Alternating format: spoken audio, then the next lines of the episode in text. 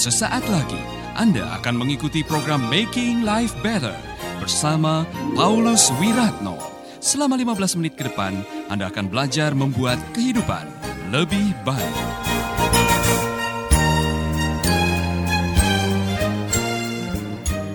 Yang membuat kita bisa menderita kanker itu empat. Karena semua penyakit di dalam hidup kita ini dikontribusi oleh pikiran.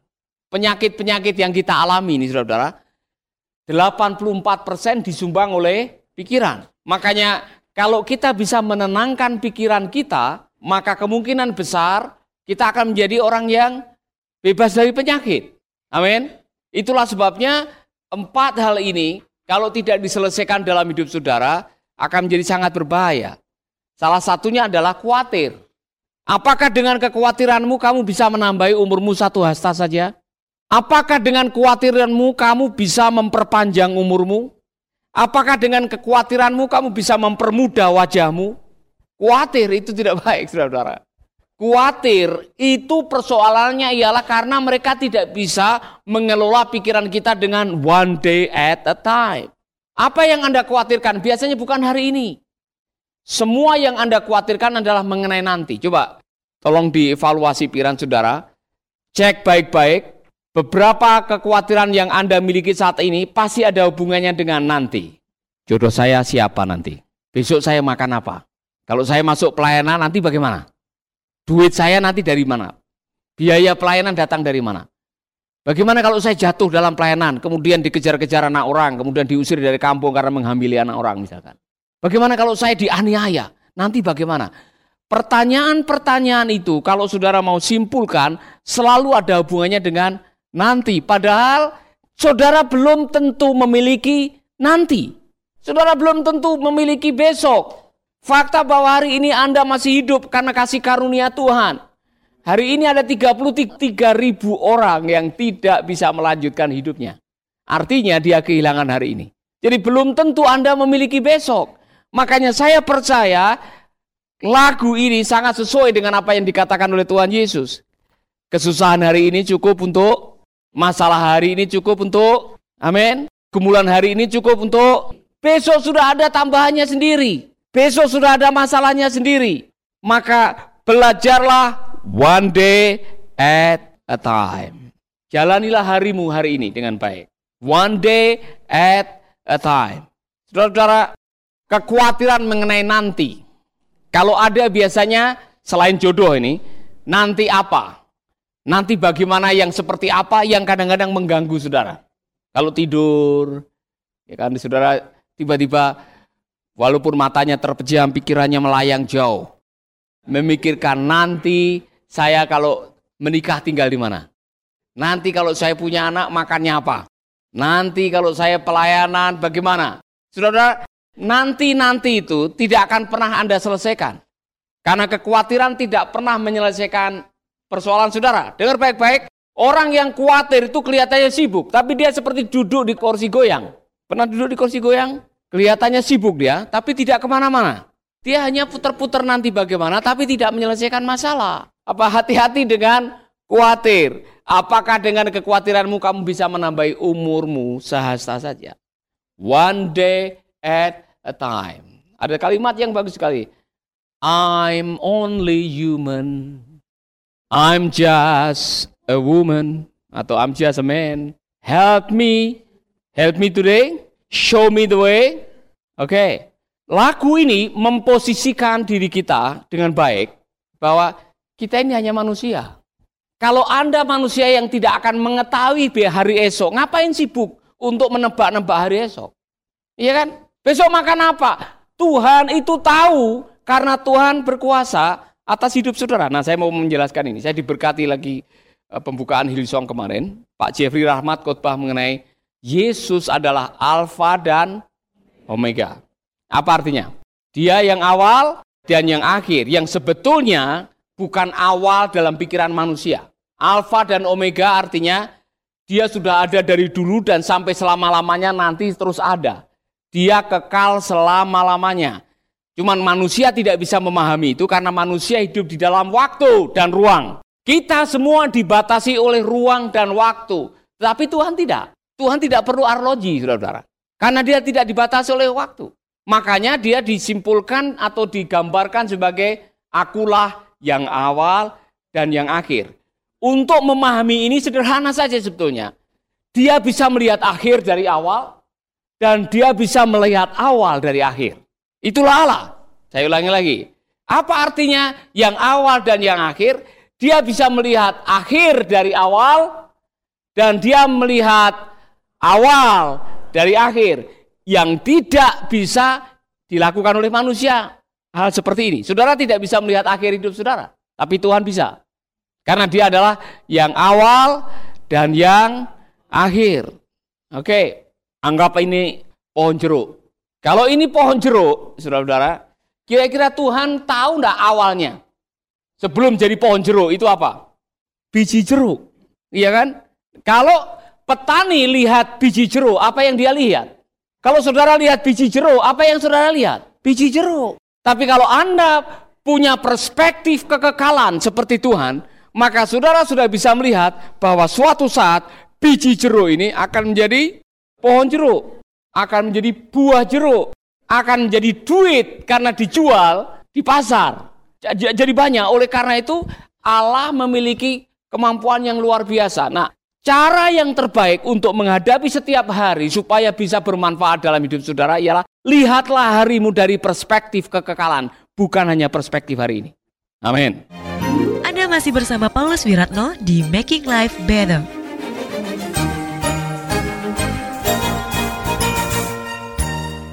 Waktu saudara melihat jeruk, saudara khawatir. Atau saudara melihat biji jeruk, saudara khawatir. Iya kan? Apalagi kalau biji itu kemudian dimakan oleh burung, saudara pasti akan khawatir. Waduh, biji saya dimakan oleh burung. Kemudian saudara tidak menyadari bahwa burung itu ternyata mengeluarkannya lagi dan waktu mengeluarkannya jatuh di tanah dan tanahnya yang dijatuh oleh benih itu sangat subur kemudian jadi pohon jeruk. Tapi kan saudara tidak tahu. Saudara tidak tahu apa yang Anda hadapi hari ini. Tapi kalau Anda bisa mengetahui bahwa Anda hidup dalam kekekalan bersama dengan Tuhan, Saudara tidak perlu takut menghadapi hari ini karena dalam perspektif kekekalan Tuhan menjaga saudara, menyertai saudara, memelihara saudara hari esok.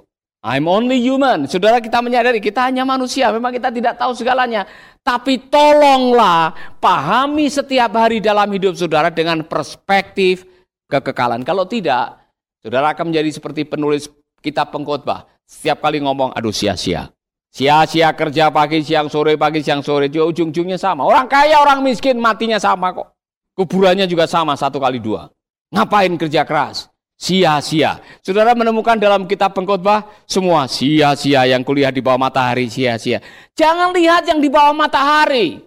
Lihat dengan perspektif yang di atas matahari. Maksudnya, lihatlah segalanya bukan dari kacamata manusia yang hanya bisa dilihat di bawah matahari. Kita tidak bisa melihat lebih dari di atas matahari. Artinya, di atas kekekalan. Di dalam perspektif kekekalan. Cara yang terbaik untuk Anda menjalani hari ini adalah kalau menghadapi kesulitan, lihatlah dengan perspektif kekekalan. Dengan mempercayai Tuhan yang saudara sembah, Tuhan yang saudara muliakan, Tuhan yang saudara layani adalah Tuhan yang adalah yang awal dan yang akhir. Makanya show me the way. Kita tidak tahu apa hari esok. Yang Anda bisa lakukan ialah minta petunjuk dari Tuhan.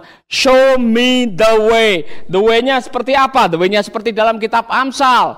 Hikmat Tuhan akan menunjukkan saudara bagaimana menjalani hidup ini. Sudah ada di sini. Show me the way. Amin. Saudara pernah nyetir di sebuah tempat atau pergi ke sebuah tempat yang saudara belum pernah ada di tempat itu? Bagaimana supaya bisa sampai di sana? Makanya dalam hidup ini selalu ada di benak saudara orang-orang yang sukses menanamkan sebuah kebiasaan always begin with the end in mind. Selalu memulai dengan akhir. Tahu maksudnya? Pasti saudara bingung. Selalu memulai dengan akhirnya mau seperti apa? Kalau saudara naik pesawat, di ruang kemudi pesawat itu, pilot itu pasti sebelum berangkat sudah tahu mau ke mana. Ada koordinat yang akan dituju.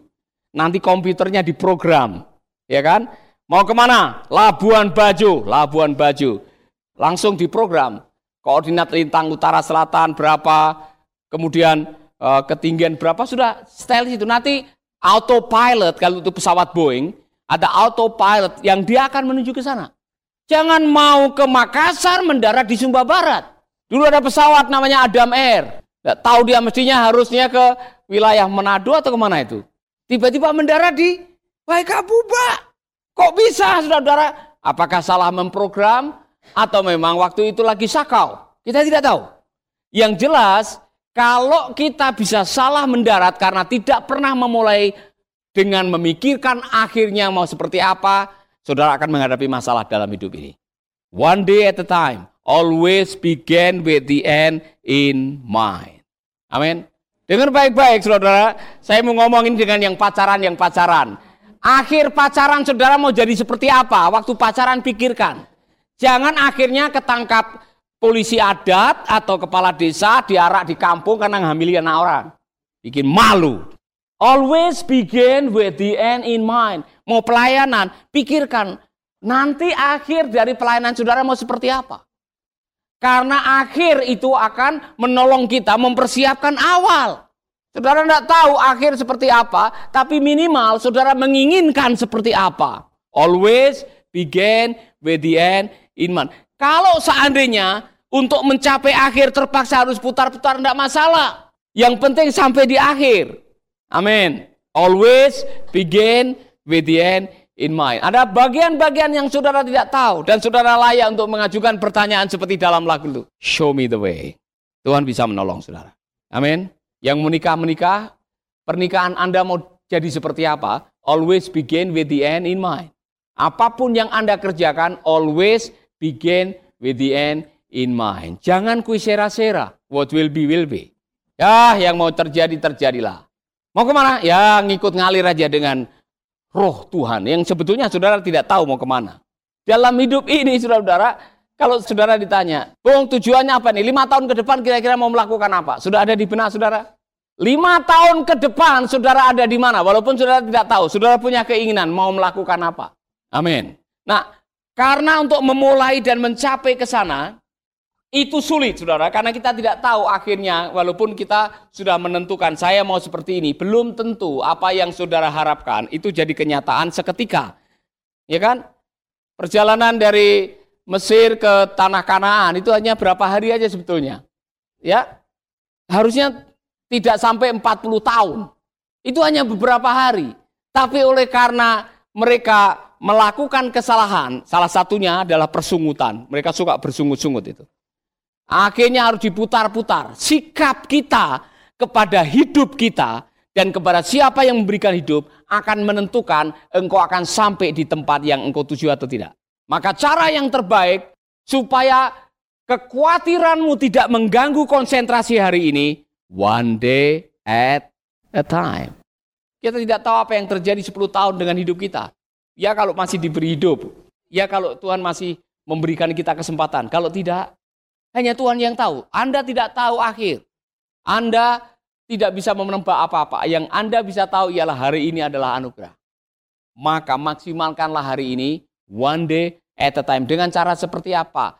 First thing first. Lakukan apa yang bisa Anda lakukan hari ini. Maksimalkan apa yang bisa Anda maksimalkan hari ini. Kembangkan potensi yang Tuhan berikan hari ini. Nikmati berkat yang Tuhan berikan hari ini. Yang belum ada, jangan disesali dan jangan diangan-angankan sampai Anda kehilangan kebahagiaan dan sukacita hari ini. Yang Anda miliki adalah hari ini. One day at a time. Amin. Ada orang yang kerja keras, ya kan?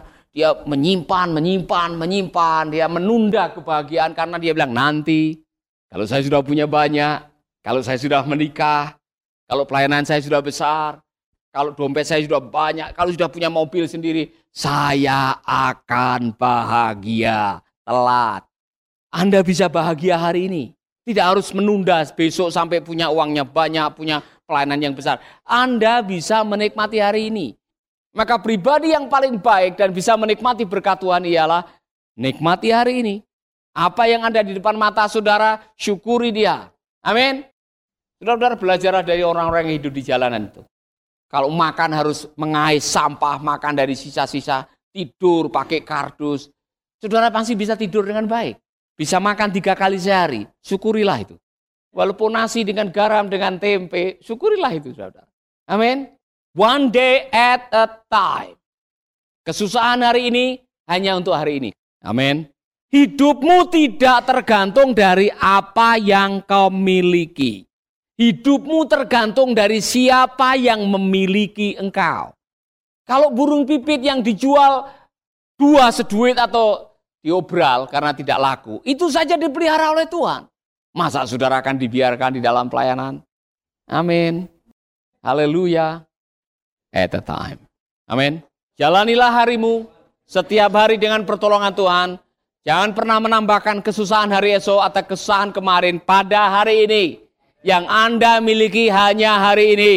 Kemarin sudah menjadi sejarah, masa depan belum tentu Anda miliki, hanya hari ini yang Anda bisa menikmati. Maka nikmatilah hari ini. Amin. Terima kasih Bapak, kami mau menjalani hari ini dengan kekuatan dari Tuhan. Show me the way. Tunjukkan kami jalan yang benar, yang baik, supaya kami bisa memaksimalkan potensi kami hari ini. Terima kasih Tuhan, kami mengucap syukur di dalam nama Yesus kami berdoa. Amin.